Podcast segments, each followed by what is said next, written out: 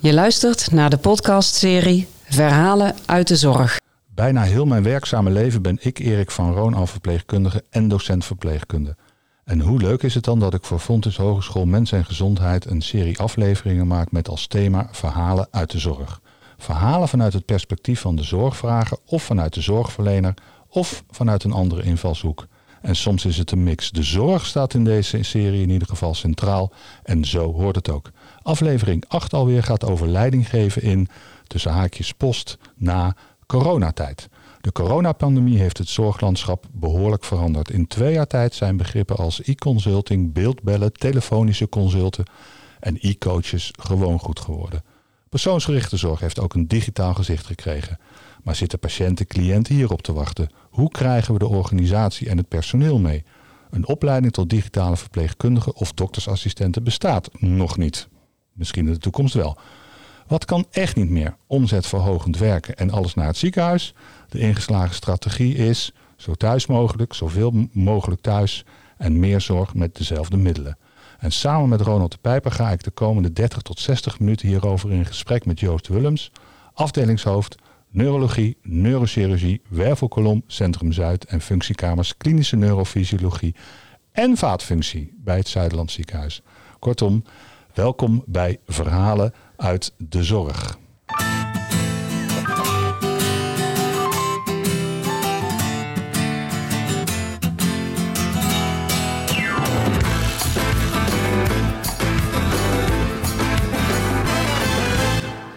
Joost, Ja, welkom. dank je. Joost en Ronald, ook welkom. Dankjewel.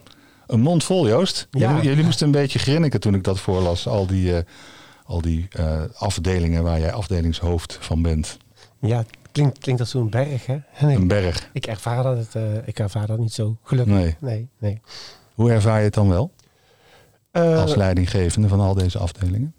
de connectie tussen de verschillende afdelingen met hetzelfde doel. Het is Mhm. allemaal gelineerd aan, de- aan de neurologie. Mhm. En daardoor past het ook goed bij elkaar. En daarom is het ook goed, goed te managen. Ja. Wat, wat, is jouw, wat is jouw begrip, wat is jouw omschrijving van managen? Ja, managen eh, is, is, is een heel breed begrip. Hè? Ehm, ik zie dat meer als een. eh, eh, er zijn ook voor de medewerkers en we allemaal hetzelfde doel. De, Mhm. de patiënt centraal zetten in het, in het hele, zorg, hele zorgpad wat, wat die doorloopt. Mhm. En ik vind mezelf daar ja, verantwoordelijk voor om dat goed te organiseren. Je vindt je verantwoordelijk of je bent verantwoordelijk? Of voel je je verantwoordelijk? Ja, Oh, lastige vragen last- meteen aan het begin. Dat hadden we niet afgesproken. Nou, eh, Nee. alle, alle, alle drie op een rijtje. Alle drie op een zo rij. zeggen. Ja. Zeker, ja. Alle drie op een rijtje. Want eh, je, doet het, je doet het voor de patiënt. En eh, dat staat centraal. En gelukkig zien we dat allemaal zo binnen mijn club. Ja. dat, daar doen we het voor. Die komt niet voor lol naar een, naar een ziekenhuis. Nee. die zit veel liever thuis. Ja, ja. Hoe lang ben je al leidinggevende? Ik ben nu drie jaar leidinggevende in deze rol. Mhm. Ja. Daarvoor eh, ehm, twee jaar eh, lang eh, teamleider op een intensive care. Oké, Ik ben, verpleeg, ik heb verpleegkundige achtergrond. Ik heb Ja. 18 jaar op de IC gewerkt. oké. En uiteindelijk eh, out of the box gegaan. En het hele klinische stuk losgelaten van intensive care geneeskunde naar, naar een polyklinische setting. Ja. Ja. En daar absoluut geen spijt van. Nee. Nee. nee. En zo ben je Ronald tegengekomen. Ja, ja. Tenminste. uiteindelijk toch de behoefte aan nog wat eh, meer eh, skills. En eh, zodoende eh, bij Fontes terechtgekomen. Mhm.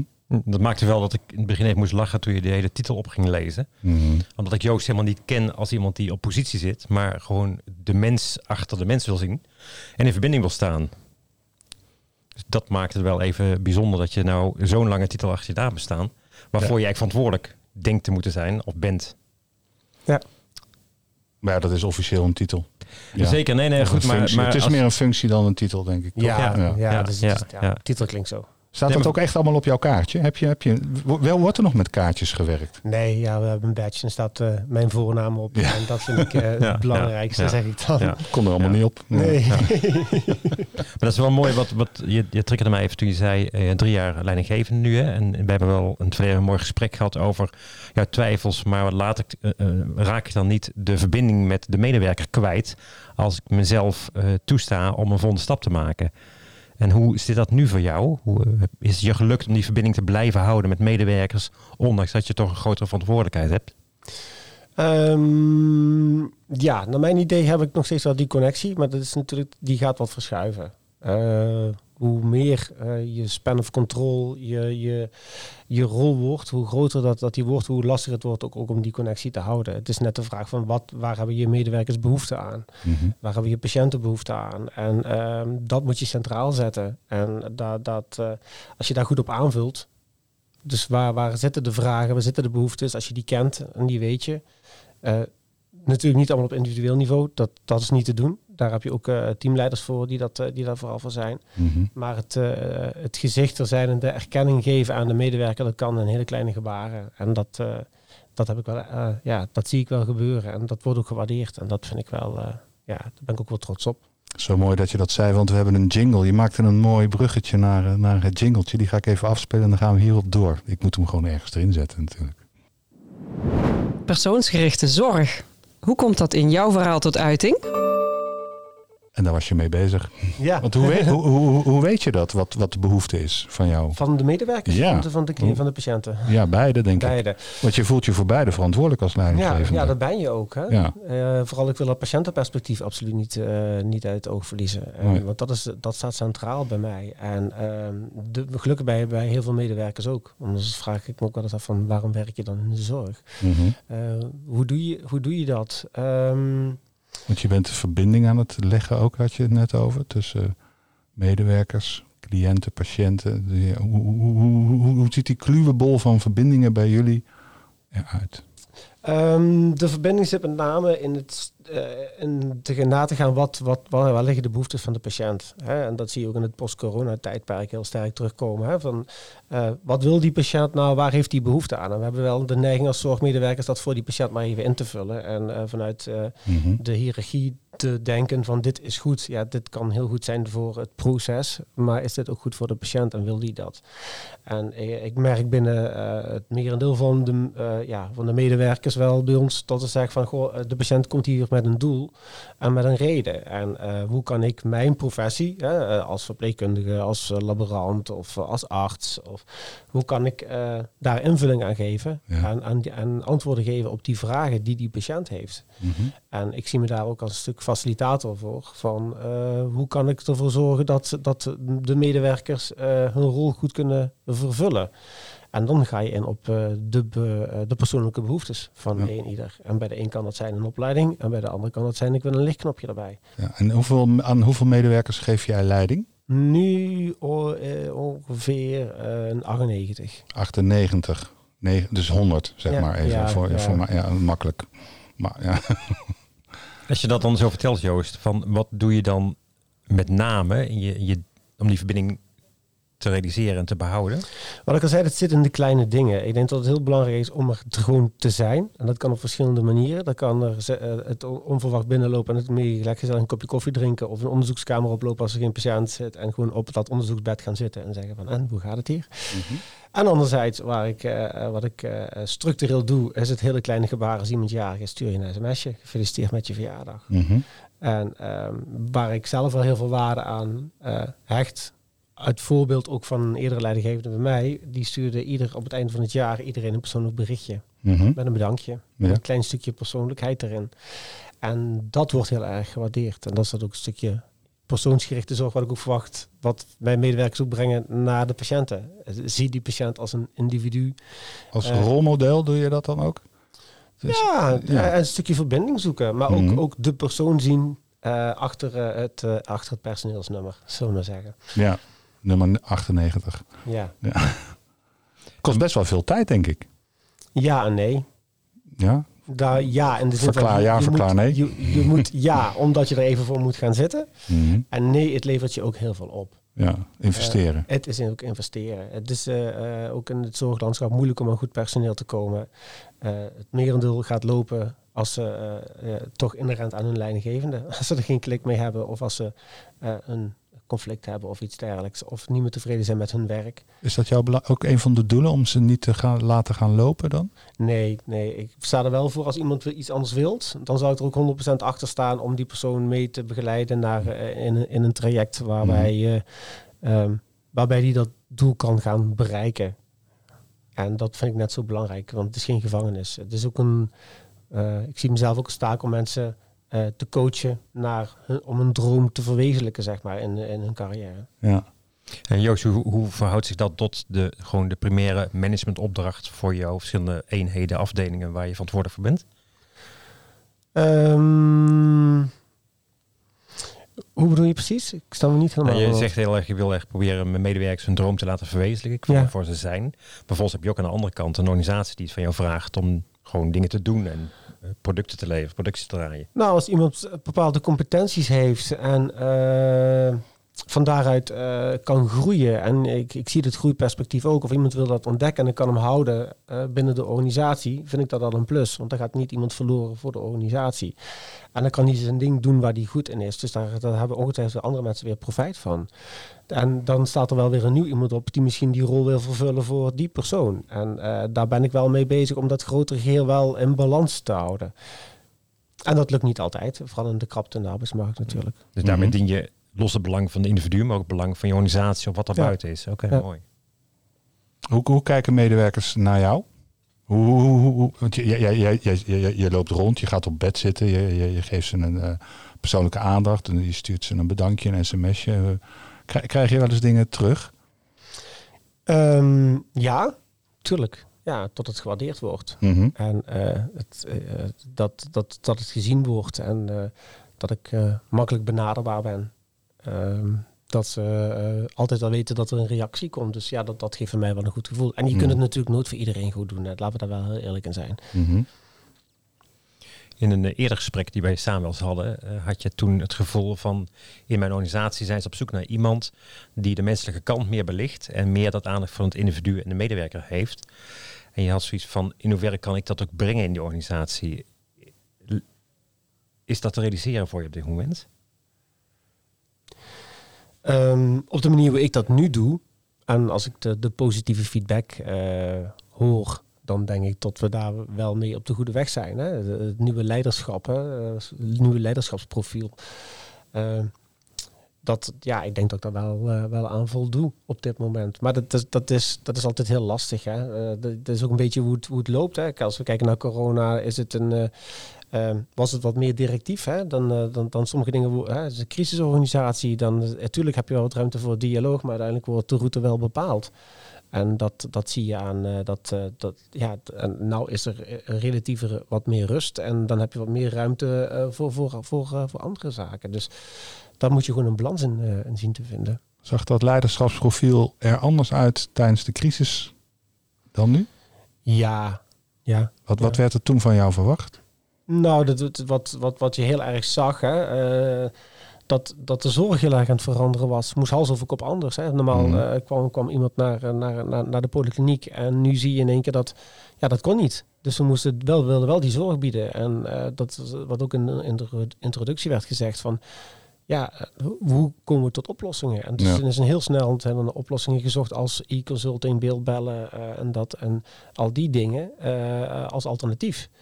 En eh, toen accepteerde men dat in den landen gewoon, want dat was de nieuwe manier van zorg. En Mhm. nu zien we ook dat dat eh, zowel positieve als negatieve effecten heeft. Noem eens een positief effect. Ik denk dat men veel kritischer is geworden van moet nou iedereen wel naar dat ziekenhuis toe? Mhm. En eh, sommige dingen kunnen ook heel makkelijk op een, op een andere manier. Eh, een, een uitslag kan ook telefonisch. Mhm. Eh, als het een goede, of een, een goede uitslag is. En afhankelijk natuurlijk wat labuitslagen. En voorheen was het nogal vrij makkelijk van kom maar even, kom over een maand maar weer even terug bij de dokter. Ja. Ehm, ja, dat vind ik wel een positieve ontwikkeling. Tot, tot, hè, en eh, dat, dat wordt over het algemeen ook wel goed, goed gewaardeerd door, door, door patiënten. Anderzijds is het ook wel een, een, een lastige van als je drie, vier keer achter elkaar een telefonisch consult hebt gehad, dat je zegt van dat de patiënt ook wel zegt van nou wil ik die dokter ook nog wel weer een keertje zien. ja. En andersom. En andersom. Ja. Ja. En dat is een beetje de balans die we moeten, die we moeten zoeken. Kijk ons niet beide aan. Ja. Help. Nou, ik zal Nee, nee. de- de- Nee, de- gewoon, gaat goed. Toen je het te vertellen was, dacht ik van welke mooie. eh, eh, ehm, want in die coronatijd eh, worden ook andere dingen gevraagd van jou en je personeel. Maar ook de, de inzet van technologie, heb je net benoemd. Zijn er dingen die je zegt nu, die gaan we echt behouden en verder doorontwikkelen en uitnutten in een nieuwe vorm?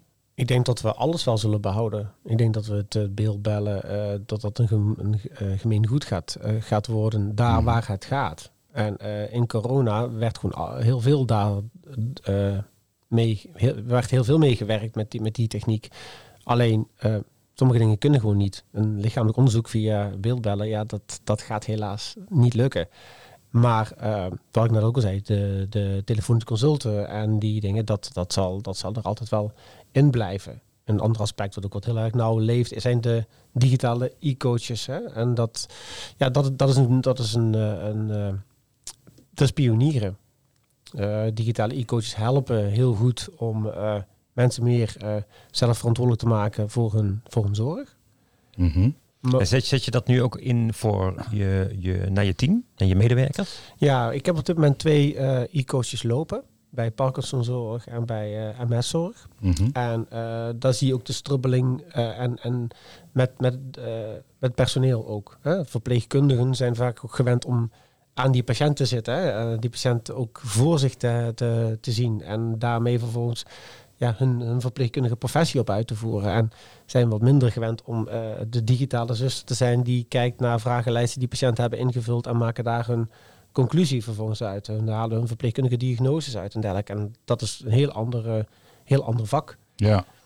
Maar dan is het nog gerelateerd op de, de patiëntenzorg. Maar ik kan me voorstellen dat je als teamleider ook iets doet richting je teams. Dat je zegt, dit gaan we ook digitaal doen. Dit gaan we ook anders vormgeven. Heb je daar nog voorbeelden van? Ja, ik denk dat het wat Fontes ook doet. Hè? Meer eh, digitaal vergaderen, thuiswerken, eh, dat soort zaken. Dat, dat, dat, is ook, eh, dat heeft ook een vlucht genomen. Hè? Normaal was het gewend van nou, als je telefonische dienst had, dan, dan deed je dat gewoon in het ziekenhuis. Maar dat kan nou ook thuis. Telefonische dienst. Dat nou ja, bijvoorbeeld eh, als uh, polykliniekmedewerkers is vrij veel telefoonwerk. Hè? Afspraken Mhm. maken met patiënten. Ja, En, ja. en dat, dat hoeft niet meer Ja. per se in het, in het ziekenhuis. Dus de mogelijkheid om dat thuis te gaan doen, die, die is er nu ook. ja. En dat was voorheen, ja, werd daar helemaal niet over nagedacht. Nee, je Nee. kwam gewoon naar de kliniek en daar, deed je, daar pakte je de telefoon en Ja. deed je dingen. Ja. Ja, ja. En de vraag die mij dan wat puzzelt, die wij zelf hier bij Fonds ook hebben, is elkaar wat minder zien. Het betekent ook dat je verbinding, risico is je verbinding wat kwijtraakt met elkaar. Doe je daar nog dingen aan? eh, Je kunt digitaal bij iemand op bed komen zitten. ja. virtueel. virtueel. Virtueel, nou ja, ik, ik had even dat beeld dat jij zo'n functiekamer binnenloopt en dat je dan... Hoe, ja, dat is, maar dat is de vraag inderdaad van dan, eh, ja. Hoe, Ja, ja. hoe hou je dat? Ja, dat, daar, daar is het nog gelukkig nog niet zo ver ontwikkeld. Hè. Dat is nog altijd dat die patiënt daarvan naar het ziekenhuis moet komen. Maar kijken we naar de polyklinische zorg, dan, dan is het wel inderdaad van eh, mensen werken thuis. Hoe hou je nou die connectie goed? Hè? En Ja. ik merk ook dat er veel medewerkers zeggen van nou god, eh, ik vind het leuk één dag in de week, maar eh, voor de rest kom ik eh, gezellig eh, bij mijn collega's zitten. Dus Het woordje gezellig is al heel typerend. Vind in positieve zin, hè? In positieve zin. Ja. Ja. Ja. nee, maar dat is ook zo. Men, men wil toch die verbinding houden. Men wil toch die, die eh, eh, elkaar even eh, zien, elkaar even spreken. En wat ik vooral daarin merk, wat nu heel erg eh, speelt ook wel, is de verandering in de maatschappij. Mhm. Eh, de agressie, de, de, het, het veel eisende. Hè. Mensen wachten soms al heel erg lang op iets. En Ja. toegangstijden zijn behoorlijk lang. En eh, ja, mensen zijn ontevredener. En dat laten ze dan ook wel horen als ze dat, als ze dat zijn. En dan, dan, dan komt dat stukje agressie. En als je dan alleen thuis zit, ja, dan kun je niet je verhaal kwijt. Je kunt niet even eh, je steunen op een collega. Dan moet je die weer gaan bellen. Dat is toch anders dan dat je elkaar, eh, dat je elkaar fysiek ziet. Ja, hoe, hoe speel jij daarop in? Op die, die toenemende agressie, laten we het zo even noemen. Als leidinggevende naar jouw medewerkers? een oor hebben voor ze, het begrijpen, ehm, trainen, heel belangrijk. Eh kijk Wat- waar, waar de Wat die train je dan? Wat train Nou, ik train ze zelf daar niet in. Ik Nee, maar wat, wat, wat, wat wordt er getraind? Nou, dus hoe ga je om met gesprekstechnieken? Hè? De, de, dus eh, dat is ook een beetje hoe, hoe wordt vormgegeven aan de functie eh, Ja. van, van een polykliniekmedewerker waar ik, dan waar ik het dan over heb. Eh daar zie je dus ook een verschuiving in. Hè? Net zoals wat ik zei van de digitale zuster. Ja, die, die, die, eh, die, die, de Of, beeldscherm of broeder, even voor Of de... broeder, ja, ja. tuurlijk. Ja, de de, digitale, digitale verpleegkundige. Ja. Zonder te changeren natuurlijk. Hè. Ja. Nee, maar dat, dat is ook zo. Dat, dat- die is er niet. En ehm, dat is hetzelfde voor eh, een polykliniekmedewerker. De mensen die dan nu werken, zie je ook wel. eh die doen allemaal toppertjes. Eh, maar je ziet ook van de behoeftes wat die hier komen, komen ook uit een stukje verandering in functie. Hè? Mhm. Dus het is hospitality idee, hè? Het, het vriendelijk te woord staan, het goede gesprekstechnieken dat, dat is een vak apart. En dan zul je, dat zul je altijd moeten bijscholen. Mhm. Want de maatschappij verandert en eh, eh, mensen reageren anders, zijn kritischer. En dat is ook maar goed ook ergens, hè, dat mensen kritischer zijn. Hè. Het, het is niet meer van ja en amen. Men mag best wel wat vinden, maar daar zit natuurlijk ook wel uh, zitten Maar. grenzen aan. Ja, daar zitten precies. grenzen aan. Hè. Dus, Maar ik kan me voorstellen dat je dan personeel veel meer traint op, op weerbaarheid eh, om, om met die situatie te dealen. Want die is er gewoon. Hè. Daar kun je niks, die, die maatschappij verhardt. En daar komen dus andere reacties van, van patiënten en klanten. Ja. Ja, Oké, Dat is ja. ook zo. Ja. Hoe ziet jouw toekomstbeeld eruit? Van mijzelf. nee, nou, nou ja, van, ja dat, dat kan natuurlijk ook. Maar eh, de, zorg in zijn algemeenheid. Hè. Jij, jij, jij wordt dadelijk directeur van een, eh, van een grote zorg. Misschien word je wel minister van Volksgezondheid. Hoe, hoe, hoe, ziet, de- hoe zou jij de, wat is de ideale zorg? Nou, minister zou ik niet zo snel worden. Nee, nee, nee, maar stel, je hebt Nee, maar de ideale zorg. Ik denk dat we nou ook op een kantelpunt zitten. In de zin van eh, nieuwe ontwikkelingen. Die, moeten, dan moeten de, eh, die, die gaan heel snel. En ik denk dat, eh, ehm, tot opleiding en eh, onderwijs daarop gaat aanhaken, hopelijk. Hè? Die digitale verpleegkundige, ik noem het maar even zo. Mhm. Ik, die gaat meer ook, wat je ook vaak hoort, hospital control rooms. Hè? Veel meer data gedreven, waarde gedreven zorg wat geleverd moet gaan worden. Ehm, eh, uiteindelijk met het doel dat we meer zorg moeten gaan leveren, omdat Nederland vergrijst met dezelfde middelen. We zien ook allemaal, we horen ook allemaal wat het kost op dit moment. Dus we zijn ook Mhm. heel innovatief om te gaan kijken van hoe kunnen we nou dus meer zorg gaan leveren met dezelfde middelen. En hoe houden we ook die connectie met, eh, met die patiënt? Hè? Hoe kunnen we vo- eh, voldoen aan, die, eh, aan de behoeften die die eh, patiënten hebben? Jij zegt min- eh, met dezelfde middelen, maar waarschijnlijk ook met minder personeel. Want als je kijkt naar de arbeidsmarkt, dat is de spoeling dun. Hoe zit het bij jou? Is ook lastig, vooral bij verpleegkundigen is heel moeilijk. Ehm, bij polykliniek zie je nog wel dat mensen nog wel eens van de verpleegafdelingen doorstromen naar, naar de polykliniek. Om met name het stukje diensten, eh, het dienstcomfort, wat, wat, er, wat er toch meer is op een poly dan op een verpleegafdeling. Geen nachten, geen weekenden meer. Ja, precies. Onregelmatigheid. eraf. Onregelmatigheid Ja. is eraf. Eh, anderzijds is het toch een heel ander stuk zorg. Hè? En dat hoor je ook wel terug. Dat mensen zeggen van ja, de polykliniek, ja, het is toch wel productie draaien. Mhm. En als ze dat al zeggen, ja, dat is, dat, dat is ook zo. Hè? Je hebt het over zorg en productie draaien. Ergens in mijn hoofd gaat het dan altijd, dan heb ik een soort Ja. van kortsluiting. Ja, klopt. Dat snap ik. Ja, Maar het, het, is toch zo. ja, je hebt, je hebt een polyplanning. ja. En daar zit, sorry, en er zitten dan eh, zoveel minuten voor, een- voor, voor een consult. En dan wordt toch acht tot je daar de dingen doet die, je die je moet doen. En dan aan de andere kant de veel eisendheid en de, de, de, de, de, de, de, ja, de, de agressieve benadering van eh, zorgvragers. Dat, dat vraagt dan ook echt om een, een balanceren van, van de medewerkers. Ja, Dat ze dat op een goede manier doen. Dat, we- ja. En zonder knap dat- hoe ze dat doen. Ja. Op dat moment. Ja, daar heb ik Ja. heel veel respect voor. Ja. Ja, Heb je daar dan ook veel gesprekken over? Want ja. Want andere gesprekken met, met bestuurders en, en managers in andere organisaties hebben van ja, we hebben veel gesprekken over mensen dreigen om te vallen. De coronatijd is nu een beetje aan zijn- zijn, zijn rustige periode toe, maar wel dat je de effecten van het veenenergie wat geleverd is nog wel merkt aan de orde van de dag. Ja. ja, dat is ook zo. De, de, de, de treintje staat niet stil. Hè. Het stukje inhaalzorg wat, wat om de hoek is, wat, wat komt kijken. Inhaalzorg, dat vind ik zo'n mooie term. Ja, Lukt dat? Ehm, ehm, Kun je Eh, zorg inhalen? Ja. Nou ja, god, bij het ene wel, bij het ander niet. Ja. Eh, kijk je naar, naar een operatie, dan moet die operatie gebeuren. En die had pas anders eerder gebeurd. En dat, dat is dan al heel veel, vooral in Limburg, heel erg eh, in de regio waar ik werk, eh, loopt, dat, loopt dat achter. ja. Omdat we al heel vroeg in die pandemie zaten, met al heel snel in, in een crisissituatie. En toen zijn er keuzes gemaakt moeten Ja. worden. Ja, de electieve operaties die uitstel konden hebben, die werden toen ook uitgesteld. Ja. En, ja.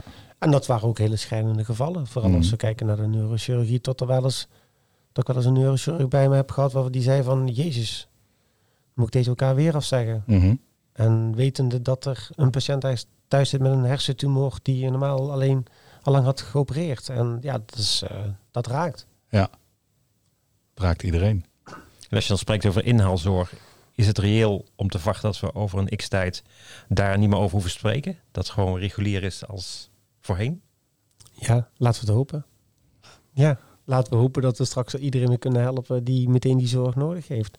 Ja, maar jij bedoelt van... je, je, bent, je twijfelt een beetje. Ja. Laten we hopen. Ja, je weet natuurlijk niet wat corona gaat doen. Hè? Dus Nee, eh, nee. Dat, dat vind ik het lastig. We gaan, we gaan er Ja. gewoon vanuit Ja. dat we dadelijk iedereen geholpen hebben die, die hulp nodig heeft. En dat we de mensen die nu de hulp nodig hebben, dat we die hulp kunnen bieden. Mhm. Maar meer, ik, bedoel het meer zo dat je, eh, volgens mij zei, zei iets dat je nog duizend mensen op de wachtlijst bestaan, zoiets hè. Ehm, die hebben allemaal dus een, een moment nodig om die operatie te laten plaatsvinden, dat die ingreep. Maar daarnaast komen natuurlijk steeds meer mensen bij die, die opnieuw weer geconstateerd worden en eh, klaargezet moeten worden. Dus in, die zin van is het reëel dat we dat van elkaar vragen om het in te halen. Ja, ja ik denk, ja, tuurlijk. Ja, daar- daarom zoek, doe je het ook niet alleen. Hè. Je doet het ook met andere ziekenhuizen in de regio. Hè. Van waar kun je nou, eh, waar, waar kunnen we elkaar helpen? Ik denk dat dat, dat wel heel mooi is ten gevolge van corona. Dat de samenhang en de saamhorigheid eh, heel, erg, eh, heel erg aanwezig is. En heb je daar direct eh, een bemoeienis mee met het, eh, het, het, het plannen en eh, nee? Nee, nee, ik, ik zit niet in het operatieve stuk. Nee. Mhm. Oké. In de inleiding hadden we een, een, een dingetje ook over wat echt niet meer, eh, meer kan. Ik ga het zo meteen nog even voorlezen. Dat kan echt niet meer. Flus je maar. Omzetverhogend werken en alles naar het ziekenhuis. Ja. Die moet je even uitleggen. Je ziet dat steeds meer eh, organisaties eh, langdurig eh, contract hebben met zorgverzekeraars. Mhm. En daarmee ook afspraken maken. En dan komt ook weer het, het, het niet meer doen maar met dezelfde middelen. Dus je moet naar innovatieve andere oplossingen toe. Hoe kunnen we de mensen thuis bedienen? Hè? Moet het wel allemaal naar het, naar het ziekenhuis? En dan praat je over productieafspraken die ziekenhuizen maken met zorgverzekeraars, met plafonds daarin. We Mhm. Niet meer dan zoveel heupoperaties of zoveel knieoperaties. En dat, eh, dat, eh, dat zie je overal in terug. Dus je wordt ook gedwongen om te gaan kijken naar alternatieven waar we die patiënt zo goed mogelijk in kunnen blijven bedienen. En ook om eh, ja, eh, BV Nederland natuurlijk eh, betaalbaar te houden in eh, dat de zorg niet eh, De BV Nederland. Ja. Ja. dat de zorg in ieder geval wel betaalbaar blijft en dat we iedereen kunnen blijven helpen. Ja, ja. En dat, dat, dat is een hele uitdaging. Dat lijkt me ook. ja. Ja, goed. Ik, volgens mij vraagt het ook om anders organiseren van de zorg die we op dit moment in Nederland hebben. Ja. Heb je daar ideeën over? Nou, wat ik net, waar we net over hadden, die digitale transitie. Hè, hoe, hoe kan dat bijdragen aan, aan, minder, eh, aan, aan minder bezoeken aan het ziekenhuis? Eh, blijven patiënten dan ook wel gehoord en gezien zichzelf voelen? En dan moet, dan moet iedereen in meegenomen worden. En het is nog de vraag, want het is echt pionieren, van gaat het dat wel opleveren? Men gelooft daar wel heel erg in, maar het moet, nog, eh, moet zich nog gaan uitwijzen. Ben je een pionierder? Jawel.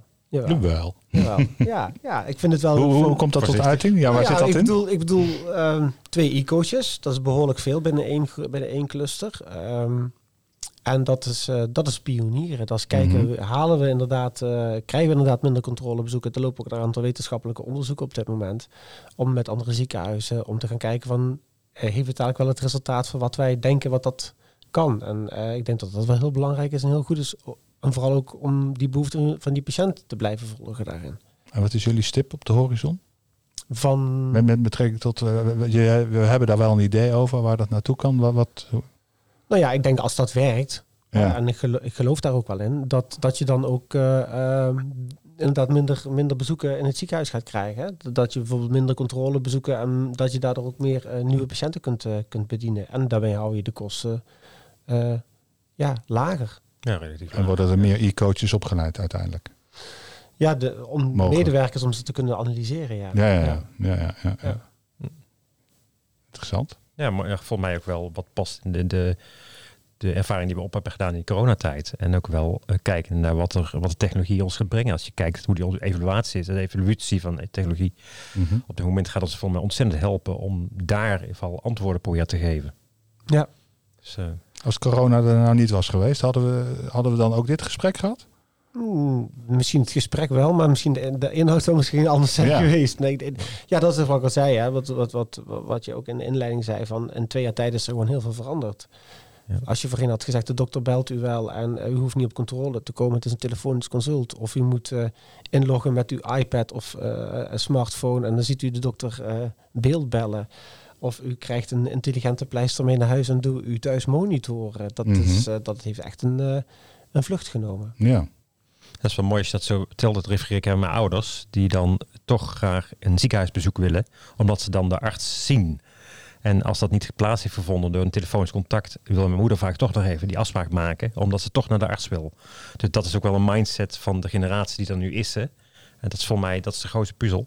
Ja. En, uh, ja. Herkenbaar. Ja, dat, dat, dat, zijn ook de signalen die wij horen, die wij dan krijgen. Ja, maar ik ben al, uh, al heel lang niet meer bij de dokter geweest. Ja. Ja. Ja. ja? Dat is, dat Maak hem eens af. Ja, ik ben al heel lang niet meer bij de dokter geweest. En ja, ben ik, ben, heb ik nou wel de goede zorg gekregen? ja. Ja, mensen koppelen vaak een, een dokterbezoek aan het hebben, krijgen van goede zorg. Ja. En, en zijn nog minder gewend om dat op afstand met beeld bellen of telefonisch ook begeleid te hebben. Ja, ja. en dat, dat, dat wat verstaat men onder goede zorg. Hè? Ook een, een, mooi onderwerp. Maar dat, dat, dat, nou, dat is... Uh... Je verleidt me. ja, dat is voor een nieuwe podcast. nou, ik had nou, nou wat, Nee, dat helemaal niet. Wat, wat, wat, versta jij onder goede zorg, uh, Joost? Nou, Um, ik denk dat primair de, de, een patiënt komt niet voor het loon naar het ziekenhuis. Dan heeft hij mm -hmm. een zorgvraag. En het is natuurlijk de mate waarin wij uh, antwoord gaan geven op die zorgvraag, is hoe tevreden dat, dat, dat de patiënt uiteindelijk die deur uitgaat. En uh, die behoefte van die patiënt, daar moeten we proberen zoveel mogelijk aan tegemoet te komen. Mm -hmm. En dat hoeven wij niet altijd te doen, want we doen uh, niet alleen een ziekenhuis levert zorg, gelukkig. we hebben ook een heel stuk eerste lijns zorg. Dus het kan best zijn dat, dat wij een diagnose stellen het ziekenhuis dan. En dat de huisarts dat heel goed kan opvolgen. Mm -hmm. En daar zie je dan ook En andersom, de samenwerking is hier volgens mij een kernwoord. Ja. In die uh, keten. De keten. Verbind, ja, ja, de ketenzorg. Ja. En dan zie je dus mooie uh, de wijkklinieken, de anderhalve lijnzorg, ook allemaal Mhm. van die terminologieën en zorgproducten die nou ook steeds meer vorm gegeven gaan worden. Het ziekenhuis naar de huisarts in plaats van de huisarts naar het ziekenhuis. Ja. En die e-zorg zie je daar ook al, uh, want je had nu het voorbeeld van e-coaches die dan individueel uh, contact zoeken met een zorgvrager. Zit dat ook uh, interdisciplinair, dus tussen de verschillende zorginstellingen? Ja, tussen de zorginstellingen niet zozeer, hè, want dan zit je wel van met je AGV, maar zo tussen zorgmedewerkers wel. Hè. Ja. Het, het, is nou zoeken van waar ga je zo een coach starten. Zou zo'n coach ook al helpen als je die in de eerste lijn zou opstarten? Dus de AVG is een belemmering in deze? Nou ja, de, ja patiëntendata is, is, uh, gevoelige, is gevoelige data. Nee, het is niet ik. eenvoudig om dat uh, zomaar met elkaar te delen. Maar goed ook, denk ik dan. Hè? Het is toch een stukje privacy wat daarmee tegemoet gaat. Ja, aan de ene kant wel. Aan de andere kant denk ik dan, ja, als het gaat over continuïteit van zorg, zou dat best wel tussen de diverse lijnen. Jullie zitten allebei te knikken. Ik zal even verbaliseren wat jullie doen, wat ik zie. jullie knikken. Dat, dat zijn nog best wel uitdagingen. Misschien is, ja goed, nou. Ja, ik sluit hem aan op Erik. Dat, ik denk, je, daar zit misschien ook wel de sleutel van succes voor de toekomst. Hè? Hoe we daarmee om willen gaan en, en waar, we, waar we grenzen leggen wat niet overdraagbaar is of wat gevoelig is. Ja. Uh, ja. Dat is, ja, tuurlijk is ook zo. Ja, dat is, ja. Maar nou, tussen huisarts en medisch specialist is die brug er natuurlijk wel. Hè? Want je bent allebei behandelaar. Zolang als je behandelaar bent, is dat allemaal prima. Ja. En ik zeg niet dat er geen patiëntendata wordt gedeeld. Hè. Je hebt natuurlijk Ja. ook de tertiaire verwijscentra, zoals de academische centra. Ja. Ja. Daar, daar wordt er gewoon patiëntendata gedeeld. Maar het is natuurlijk anders, want dat zie je dus ook bij de e-coaches heel sterk van... Data is, eh, is, nu, is het nieuwe goud, hè? Mhm. Wie is Ja, eigenaar ja. van de data? Want Ja. vanuit de data kun je ook weer eh, dingen genereren. Hè? Mhm. De Data is, eh, is ontzettend belangrijk dadelijk. En eh, misschien kun je wel als je van 10.000 patiënten die eh, X hebben, eh, en daar heb je een mooie coach van. Nou, als je dan, dan kun je ook eh, een slim systeem maken wat al dingen misschien kan gaan voorspellen. Mhm. Dus, maar daar wordt gelukkig wel heel goed eh naar gekeken nu van eh, wie is nou eigenaar van die data en eh, eh, wat gebeurt daarmee. Dan hebben we het nog niet eens over artificial intelligence. Want dat, nou goed, dat is weer een, dat, is, dat is echt een hele andere. Ja, ja, ja, ja, ja. Ja. Ik, er zijn altijd drie, eh, drie, eh, drie elementen in, eh, in eh, verhalen uit de zorg. Persoonsgerichte zorg. eh, wat kan echt niet meer? Flushdown hebben we gehad. En er is ook nog zoiets als een, als een muzikaal fragment. Muzikale zorgherinnering. Benieuwd naar jouw koppeling van een zorgmoment aan muziek? Of andersom, zoals jij wil. En dan schuif ik hem een beetje zachtjes. En dan, eh, je had een heel mooi nummer uitgekozen. en ik ben eh, benieuwd eh, waarom, hoezo. eh leg uit. Ja, het nummer wat ik heb uitgekozen is van eh, de editors, Smokers at the Hospital Door. Mhm. En waarom dat nummer? Ehm, wat je vaak ziet is als mensen in een ziekenhuis komen, ehm, dan ze eens nadenken, "Wait, waar, waarom ik? Waarom krijg ik dit nou? Of waarom heb ik dit nou? Hè? Gezondheid, beleving, eh, eh, GVO, ook heel belangrijk, hè? gezondheidsvoorlichting en opvoeding. En dan Mhm. smokers, rokers. Iedereen weet dat het slecht is en toch doe je het. Hè? Ehm, en sommige dingen heb je in je hand, heb je in de hand, en andere dingen heb je niet in de hand. En, ehm, en toch gaat, gaat die patiënt vaak, ook al ligt hij in het ziekenhuis opgenomen, bijvoorbeeld de, met dit nummer eh, ten gevolge van roken met COPD, en kan toch zijn sigaretje niet laten. En Mhm. ik vraag me wel eens af bij onszelf ook nou met corona, hè, waar, eh, waar gezondheid toch wel heel belangrijk is geworden, hè, dat we ons allemaal meer van bewust zijn. Misschien moeten we gezonder gaan leven. Ja. Ook een positief bij, eh, bijeffect, denk ik. Ja, zeker. En daar, daar vind ik dit nummer wel heel typerend bij. Dat je zegt van, eh, nou ja, hoe, heb ik, hoe gezond heb ik geleefd? Wat heb ik er zelf aan bijgedragen? Mhm. En natuurlijk, niet alles heb je in de hand. Dat laten we wel eerlijk in zijn. Nee. Nou, je mag, hem, je mag hem aankondigen. Dan ga ik hem instarten. Oké. De editors met Smokers at the Hospital Door.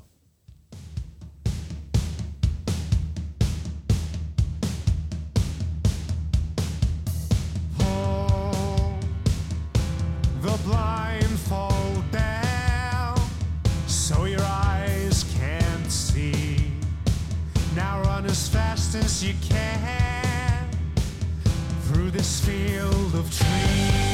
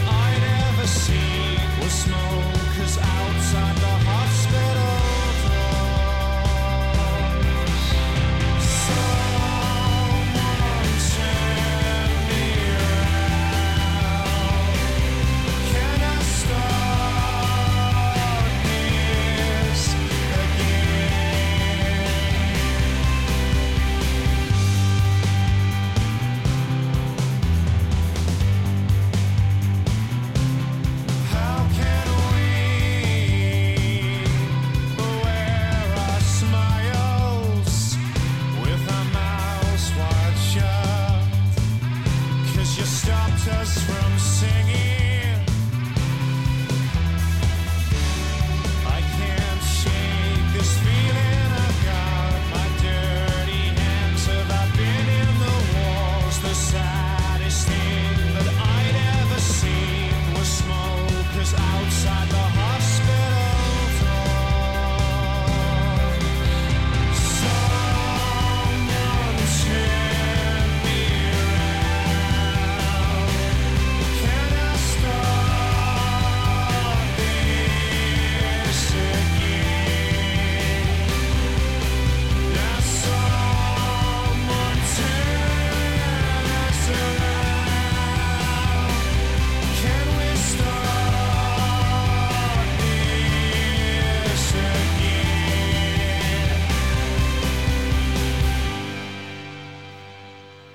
Hem langzaam eh, wegschuiven. De editors en smokers outside the hospital doors. En ik had meteen dat beeld van eh, mensen die opgenomen zijn in een ziekenhuis... die in hun peignoir, of hoe zeg je, zo'n ochtendjas... staan ze met een infuuspaal en dan toch lekker een sigaretje roken. Dat beeld had ik. Ja, exact. En je mag Ja. ervan vinden wat je, wat je wil. Maar dat beeld, dat riep dat eh, Dat even wel op, ja. bij mij op. Lekker uptempo nummer, Joost. Ja. Ja. ja, vind ik ook. Ja. Eh, en zo hebben we alle drie de, de items die altijd eh, voorbij komen, die hebben we in ieder geval eh, afgetikt. Ehm, ja, zo terugkijkend naar het gesprek, zijn er nog dingen waarvan je zegt van, goh, daar hebben we nog niet over gehad, of daar moeten we nog even over hebben, of zijn er nog nuances, of whatever. Ja, je ziet dat het een ontzettend divers thema is. Hè? Ja. Dat zie je ook in het gesprek. Hè? Het gaat van, van eh, basiszorg tot de digitale transitie. En eh, de, Mhm. daarom, daar zijn we nog lang niet over uitgepraat. En eh, die ontwikkelingen die, eh, die zijn nou pas op gang. Ja. En dat, daar zullen we nog heel wat van eh, ja, mee te- Volgen. volgen en mee te maken krijgen. ik ben benieuwd hoe de zorgwereld er over tien jaar uitziet. Ja, ik ook. Als ik zelf in het, op het hoogtepunt van mijn zorgvraag zit, leeftijd gerelateerd. Volgens de statistieken. Data. Nee, maar goed, dat, eh, dat ben, eh, ben ik ook benieuwd naar, Erik. Ja. Als je dat zo eh, vraagt, ja. ja. En misschien wat, wat, wat ik nog mooi vind, is dat Joosje volgt bij ons de opleiding, hè, management in de zorg. Ehm, en die opleiding is niet bepalend, maar hopelijk helpend om de stappen te nemen die je aan het nemen bent op dit moment. En dat zie ik mooi, de ontwikkeling die je doormaakt, de groei die ook jou helpen om in jouw eigen organisatie die dingen te doen waar je ook voor staat. Wat je net hebt verteld in dit, deze podcast. Dus, dus jij kan alleen maar zeggen dat ik dat mooi vind om daar onderdeel van te mogen zijn en dat te zien. Wat aanvullend. Compliment. Dankjewel. Hij geeft je een compliment. Ja, ja, ja, Ja. al- altijd Doe, doe ik mijn liefde, hè? Dit kun je Nee, misschien maar- als, als, eh, als bewijslast ergens opvoeren. Ja, wie weet, wie weet. Ja. Nee, maar ik zie het ook de, de opleiding als zijnde een. eh, ik heb een winkelwagentje. Mhm. En eh, je haalt de elementen eruit die je nodig hebt en die je, niet, die je verrijken Ja. in het eh, uitoefenen van je rol. Mhm. En eh, die winkelwagen is aardig gevuld geworden. Mooi. ja. Mo- mooie woorden om mee af te sluiten. Ronald bedankt. Joost bedankt. Graag gedaan. Graag gedaan. Luisteraars bedankt. En eh, tot een volgende.